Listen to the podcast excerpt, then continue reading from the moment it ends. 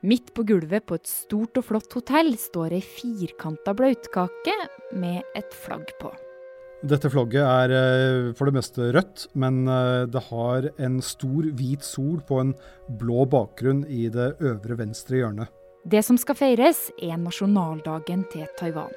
Og det er full fest helt til to kinesiske diplomater kommer inn. De ser flagget og begynner å ta bilder av gjestene. Når, eh, når, de blir forsøkt kastet ut, så blir det veldig fort en slåsskamp. Og den slåsskampen den ender faktisk med at en av representantene fra Taiwan havner på sykehus med hodeskader.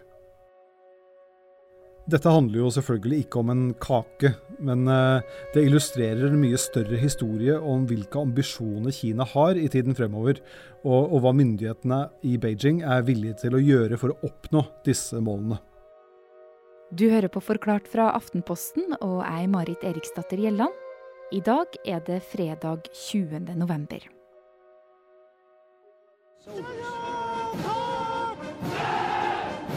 Det kinesiske kommunistpartiet feirer 70 år. I likhet med hotellfeiringa for Taiwan, så er det taler og fest. Men også en av de største militærparadene Kina noen gang har hatt. I marsjen så er hver region i landet representert med en egen flåte. Til og med et land som ikke anser seg som kinesisk, nemlig Taiwan, er der. Og på flåta deres har kineserne satt opp en stor skjerm med ett budskap. Om å gjenforene moderlandet og folket. Taiwan var eh, lenge kjent utenfor Asia som Formosa, og det betyr vakker på portugisisk. Kristoffer Rønneberg er utenriksjournalist i Aftenposten, og forrige gang han var i Taiwan, var i 2006. Denne grønne øygruppa utenfor, eh, utenfor sørøstkysten av Kina er virkelig et vakkert sted. Vi tenker kanskje mest på det som én øy, men det ligger også noen småøyer og atoller rundt der som, som også er en del av dette territoriet. Og her bor det 23 millioner mennesker i et eh, moderne og høyteknologisk eh, samfunn. Det er eh, et av de rikeste landene i Asia. Faktisk det er det 17. rikeste landet i, i hele verden. Men selv om dette på alle mulige praktiske måter er et eget land, så er det ikke et land som Norge eller de fleste andre land i verden anerkjenner som en selvstendig stat, selv om, selv om myndighetene her har ønsket akkurat det helt siden 1949. So we are very distinct from China. Han du hører her, det er utenriksministeren i Taiwan, Josef Wu. Og i går så snakka Kristoffer med han. To uh, Taiwan as a Chinese province, uh, I think it's, it's not right to the Taiwanese uh, serious distinction in between Taiwan and China is that Taiwan is a democracy and China is not. And we enjoy all kinds of freedoms. And sometimes I feel that uh, maybe the Taiwanese people enjoy too much freedom, but that's okay. Uh, we enjoy freedom, period. Så Wu og resten av Taiwan de mener at Taiwan er et eget land. Men som du sa, Kristoffer, så er det veldig få andre land som er enig i det. Hvordan ble det sånn? På slutten av 1900-tallet tapte Kina Taiwan til Japan.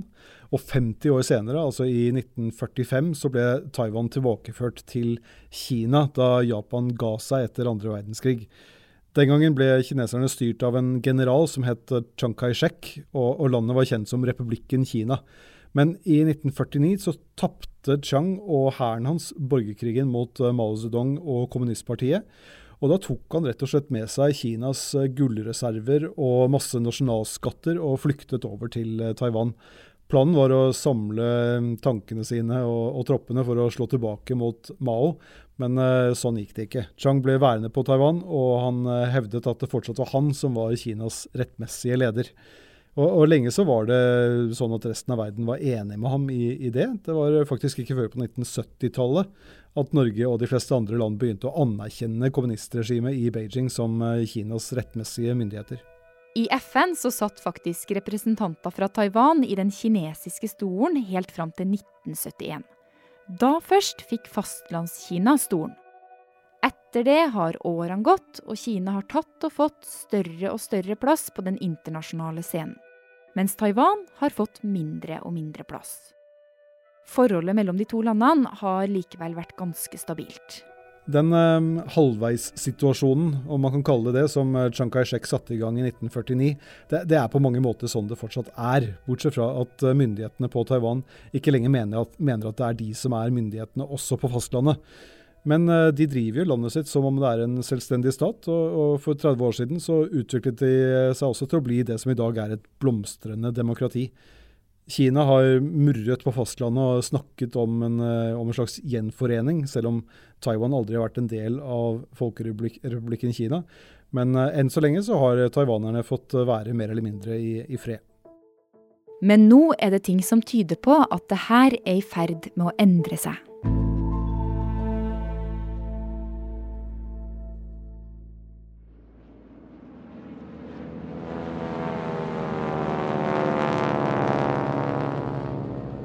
Det er høst, lufta er klar, og over det blå havet mellom Kina og Taiwan suser noen kinesiske krigsfly mot øygruppa. Og Vanligvis så pleier disse kinesiske flyene å snu før de kommer til den såkalte midtlinjen som deler Taiwanstredet mellom de to landene. Men ikke denne gangen. Nå flyr de videre. Noe det taiwanske forsvaret kjapt plukker opp. Men denne gangen så fløy de videre, og da en av de taiwanske pilotene sa fra til de kinesiske pilotene at de hadde krysset denne midtlinjen, så fikk han eh, raskt et svar fra en av kineserne som sa at det ikke finnes noen midtlinje. Foreign Minister Joseph Wu says Beijing sent military aircraft into Taiwanese airspace almost every day for the past month. According to Taiwan's foreign ministry, almost two dozen warplanes of the People's Liberation Army entered the country's Air Defense Identification Zone. De, de, siste månedene har kinesiske fly krysset denne midtlinjen ganske mange ganger. Samtidig så er det stadig vekk kinesiske krigsskip på tokt i Taiwanstredet, og det er mer militær aktivitet her nå enn det har vært på rundt 30 eh, år. Det er eh, noe av det som gjør at folk både på Taiwan og utenfor er litt nervøse for tiden. Men du, Taiwan og Kina de har jo levd relativt fredelig ved siden av hverandre lenge, så hvorfor skjer det her nå? Kina har blitt eh, veldig mye mektigere de siste tiårene. En ting er det økonomiske, eh, sånn som at landet nå er den største handelspartneren til over 100 andre land. Eh, en annen ting er at Kina har rustet opp noe helt voldsomt. Den kinesiske marinen består nå av flere krigsskip enn den amerikanske. Og i Sør-Kina-havet, altså litt sørvest for Taiwan, så har Kina bygget militære baser, til tross for at dette ikke er deres territorium. Så Kina har rett og slett blitt sterkere. Men det er ikke hele forklaringa. Det handler òg om en erfaring Kina har gjort seg i det siste. I en kinesisk by som ikke ønsker å være en del av Kina. Lederne i Beijing har nok også fått eh, blod på tann etter at de klarte å kvele hele demokratibevegelsen i Hongkong i sommer med en ny sikkerhetslov, uten at det førte til mer enn eh, litt murring fra, fra Vesten. I dag trer en ny sikkerhetslov i Hongkong i kraft. Loven forbyr bl.a. det Kina kaller løsrivelsesbevegelser, statsfiendtlig virksomhet, terrorisme og samarbeid med fremmede makter. Spørsmålet de stiller seg i Beijing akkurat nå, er nok om verdenssamfunnet hadde gjort noe særlig eh, hvis eh, Kina bestemte seg for å invadere Taiwan. Men du Kristoffer, jeg skjønner fortsatt ikke helt. Hvorfor har ikke Kina yppa mer tidligere? Jeg tror Kina lenge har tenkt at tiden er deres venn. Eh, Taiwan har fastlandskina som sin nærmeste handelspartner, og det er ikke veldig lenge siden stemningen på Taiwan var mye mer positiv til Beijing. Og um, kanskje har kinesiske myndigheter håpet at taiwanerne med tiden ville gå med på en slags gjenforening, eh, en eh, ett land, to systemer-ordning. Men de siste årene, og spesielt etter det som har skjedd i Hongkong, så har den pendelen svingt veldig, veldig langt i motsatt retning.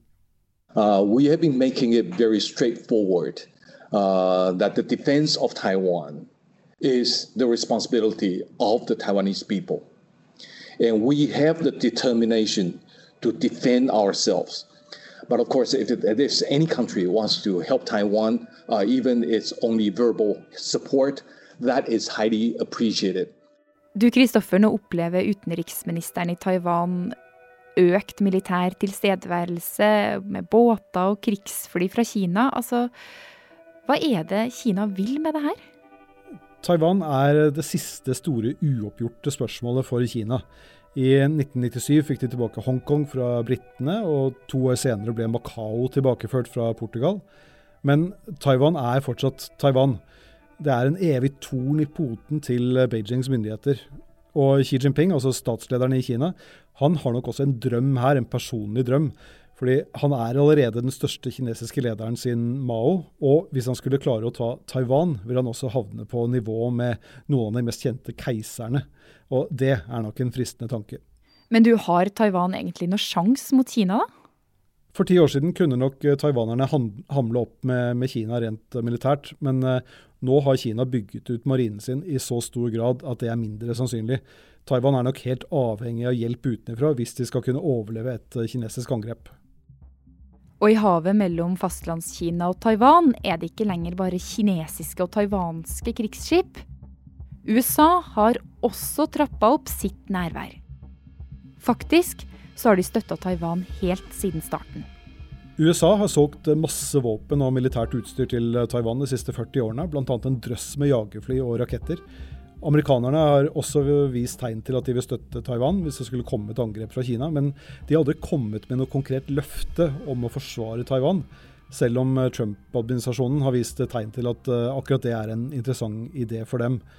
Eh, det er jo en, en litt, et lite paradoks her. og det er at Trump, som jo er upopulær i store deler av verden, er veldig populær i Taiwan. Delvis fordi han har gjort så mye for å vise sin støtte til myndighetene der. I høst eh, reiste bl.a. En, eh, en av de fremste amerikanske tjenestemennene, den eh, helseministeren, til Taiwan. Og det ble ikke tatt spesielt godt mot i, i Beijing. Og Derfor er det mange på Taiwan som er litt nervøse nå som Joe Biden er blitt valgt. Selv om han har varslet en tøff linje overfor Kina, så er det ikke på noen måte sikkert at han vil være like tydelig i støtten til Taiwan som hva Trump har vært. Men Kristoffer, kan det bli krig? Det at de kinesiske marinefartøyene og jagerflyene har vært så aktive i det siste, har fått ganske mange til å bli nervøse. Men det vil nok være veldig risikabelt uh, å, å, gå til et angrep. Selv om Vesten ikke gjorde så mye for å hjelpe hongkongerne nå i sommer, uh, så, så, vil dette være en helt annen situasjon, fordi Taiwan har hatt selvstyre så lenge. For noen uker siden så, så, var det folk som snakket høyt om at Kina kunne benytte seg av muligheten hvis det ble kaos i USA etter valget. Og, og kaos kan man jo si at det har blitt, men heldigvis ingen invasjon foreløpig. Dette kommer jo også litt an på hvordan taiwanerne spiller kortene sine. Hvis myndighetene f.eks. plutselig skulle finne på å erklære formell uavhengighet fra Kina, så vil nok Xi Jinping også bli nødt til å, til å reagere. Ja, og du foreløpig så er det jo militær opptrapping og ikke krig vi ser. Hva skal til da for at Kina invaderer?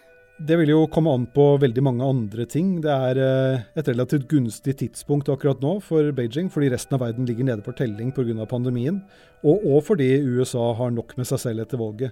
Men det er jo mange ting som også taler imot en invasjon. I tillegg til de, de vi har snakket om tidligere, så er, eh, så er faktisk været en faktor her også. Frem til mars så er det såpass mye dårlig vær i Taiwan-stredet at det faktisk kan gjøre en invasjon vanskelig.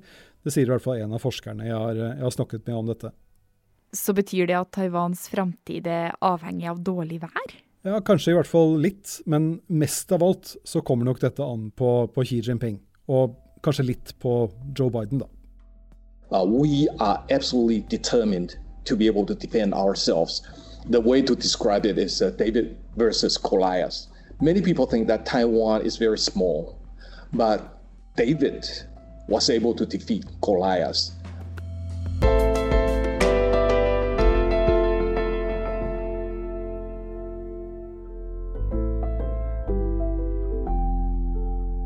Denne episoden er laga av produsent Fride Næss Nonstad og meg, Marit Eriksdatter Gjelland. Resten av Forklart er David Vekoni, Anne Lindholm og Caroline Fossland. Du har hørt lyd fra CGTN, VON, CNA, NRK og VG.